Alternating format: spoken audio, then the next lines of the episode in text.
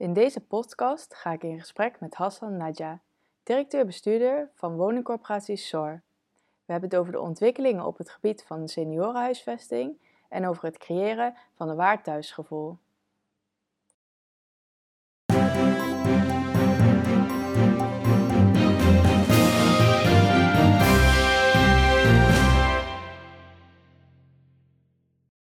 Vertellen hoe je in de corporatiesector terecht bent gekomen en dan specifiek bij de zorg?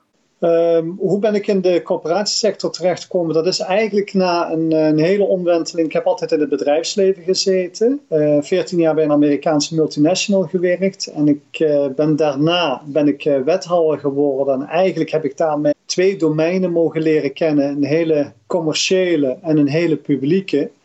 Uh, en dat maakte dat ik uh, ja, ontzettend geïnteresseerd was zeg maar, in een mengelmoes daarvan. Want uh, een van die twee werelden alleen, dat trok mij niet aan. Maar een combinatie van een organisatie die je bedrijfsmatig kunt leiden... en tegelijkertijd ja, zeg maar het, het, publieke domein kunt bedienen... dat trok me ontzettend aan. En dat is de reden waarom ik de coöperatiesector in ben gekomen. En ik heb eerst bij Wonen Limburg gewerkt een hele tijd. Ik ben daarna naar Groningen gegaan, Groningen-Drenthe bij Levier. En uh, van daaruit ben ik uiteindelijk in het Rotterdamse terechtgekomen. Want binnen de coöperatiesector ontdekte ik ook dat uh, niet alleen het wonen, maar het wonen in combinatie met zorg een hele mooie combinatie, maar ook een noodzakelijke combinatie is als je iets voor de samenleving wil betekenen. En waarom is dit voor jou zo'n mooie combinatie? Omdat uh, of het nu over jou of mij of uh, onze ouders of onze kinderen later hebben, op het moment dat je het hebt over uh, in ieder geval kwaliteit van leven, dan gaat dat altijd gepaard in de combinatie van wonen en zorg. Ja. En wat zijn op dit moment de belangrijkste ontwikkelingen op het gebied van ouderenhuisvesting? Nou, dat zijn er een paar. Als je kijkt naar de ontwikkelingen, dat is in eerste instantie natuurlijk het feit dat uh, de overheid sinds een paar jaar heeft gezegd van uh, we moeten in ieder geval, mensen moeten in ieder geval langer thuis uh, blijven wonen. Dat maakt dat daar waar voorheen we bijvoorbeeld verzorgingshuizen hadden en ze er niet meer zijn van in hoeverre maken we de woningen geschikt. en datzelfde geldt niet alleen voor de woningen, voor de fysieke, maar daar ook voor de dienstverlening. In hoeverre kunnen mensen die daar wel behoefte aan hebben of daar noodzaak in is, ook thuis een, in ieder geval een, een klein beetje geholpen kunnen worden in ondersteuning. En dat zijn dus twee trends, dus het fysieke, maar ook het dienstverlenende. En dan moeten we als hele samenleving, maar ook de organisaties die daarbij horen, moeten we eraan gaan wennen van ja, hoe verhouden we ons daarop? Ja, en ook een belangrijke ontwikkeling is dat uh, mensen langer thuis moeten blijven wonen in reguliere woningen. Dat willen jullie faciliteren. Um, wat doen jullie daar precies aan om um, te zorgen dat dat ook kan? Nou, dat zijn verschillende dingen die, die we doen. In eerste instantie heb je natuurlijk het fysieke. De, de, als je kijkt naar de, de woningen die we hebben, die zijn net iets anders dan de gemiddelde woning. En dan moet je bijvoorbeeld denken aan uh, het, is, uh, het is drempeloos, het is vaak éénlaags. Um, het, het zijn bredere deuren, bredere gangen, waardoor mensen ook op latere leeftijd, als dat nodig is, dat ze met een rollator of een rolstoel uh, in eigen huis kunnen bewegen, in ieder geval erin kunnen komen. Um, dus dat is een hele belangrijke aspect. Uh, we hebben vaker ook uh, zaken als domotica of alarmopvolging. Dus dan zit je meer op het technische vlak. Maar we hebben bijvoorbeeld, uh, we zitten in Rotterdam en hebben redelijk veel hoogbouw. En we hebben overal bij die hoogbouw hebben we in de plint hebben we een ontmoetingsruimte, zodat mensen met elkaar activiteiten kunnen ondernemen. En wat we hebben is, we hebben in elk complex hebben we een huismeester als een bepaalde vorm van technische en sociale veiligheid voor, uh, voor de bewoners. Werken jullie dan in, om dat te bereiken ook samen met uh, de andere zorgverleners? Is daar een samenwerking tussen? Ja, we hebben hier uh, in het Rotterdamse zijn er ongeveer een, een, stuk of acht zorginstellingen waar we heel veel mee samenwerken.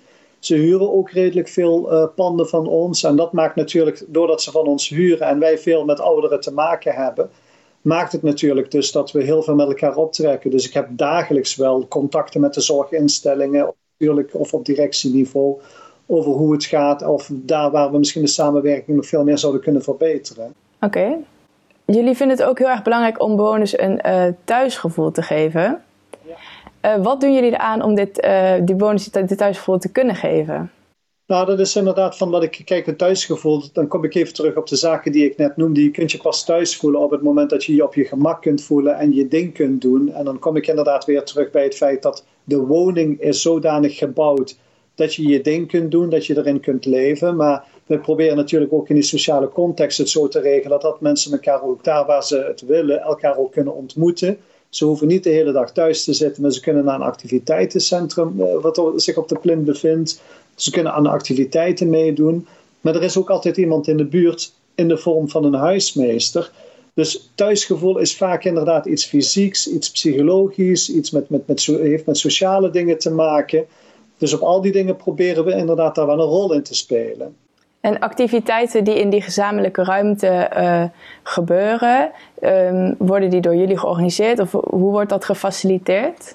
Dat wordt door uh, bewonerscommissies en activiteitencommissies uh, gedaan. Dus die, dat organiseren de bewoners zelf. overigens willen we ook dat de bewoners zoveel mogelijk zelf doen. Ik bedoel, dat moeten wij vooral niet doen. Wij zien onze rol vooral als um, het faciliteren of in ieder, geval het in ieder geval het initiëren. En daarna moeten bewoners het ook zelf doen. En aan de andere kant faciliteren we natuurlijk door een jaarlijkse bijdrage te storten aan de bewonerscommissies, zodat ze hun activiteiten kunnen ontplooien. En um, als je kijkt naar de toekomst, wat is dan de grootste opgave op het gebied van seniorenhuisvesting? Dat er, uh, ik denk dat de grootste opgave is, is het besef dat dat een hele grote opgave gaat worden. En dat klinkt heel cryptisch en dat is het ook. Maar eigenlijk moeten we het besef hebben dat het een hele grote opgave gaat worden. Uh, dus op, dit moment zijn er te weinig woningen en de woningen die er zijn, die, die zijn niet altijd uh, passend. Maar hoe ga je dadelijk met, om met een hele grote groep die alleen maar groter wordt en substantieel wordt binnen de samenleving? Hoe ga je dadelijk daarmee om binnen een samenleving waarvan ik net zei, die er nog niet op is geëquipeerd, om daarmee om te gaan? Met wat een mooie uitdaging. Hoe spelen je hier dan op in? Of heb je hier plannen voor? Nou, kijk, wat je, wat je gelukkig ziet is ook vanuit het ministerie, vanuit VWS, maar je ziet dat ook vanuit de coöperatiesector en vanuit de zorgsector, en zelfs vanuit de, zeg maar, de commerciële wereld, is dat er steeds meer wel die kant opgekeken wordt. Ik merk ook het laatste jaar dat er ook veel meer bijeenkomsten zijn. Partijen zoeken elkaar veel meer op. Er wordt veel meer over geschreven. Het komt vaker in het nieuws.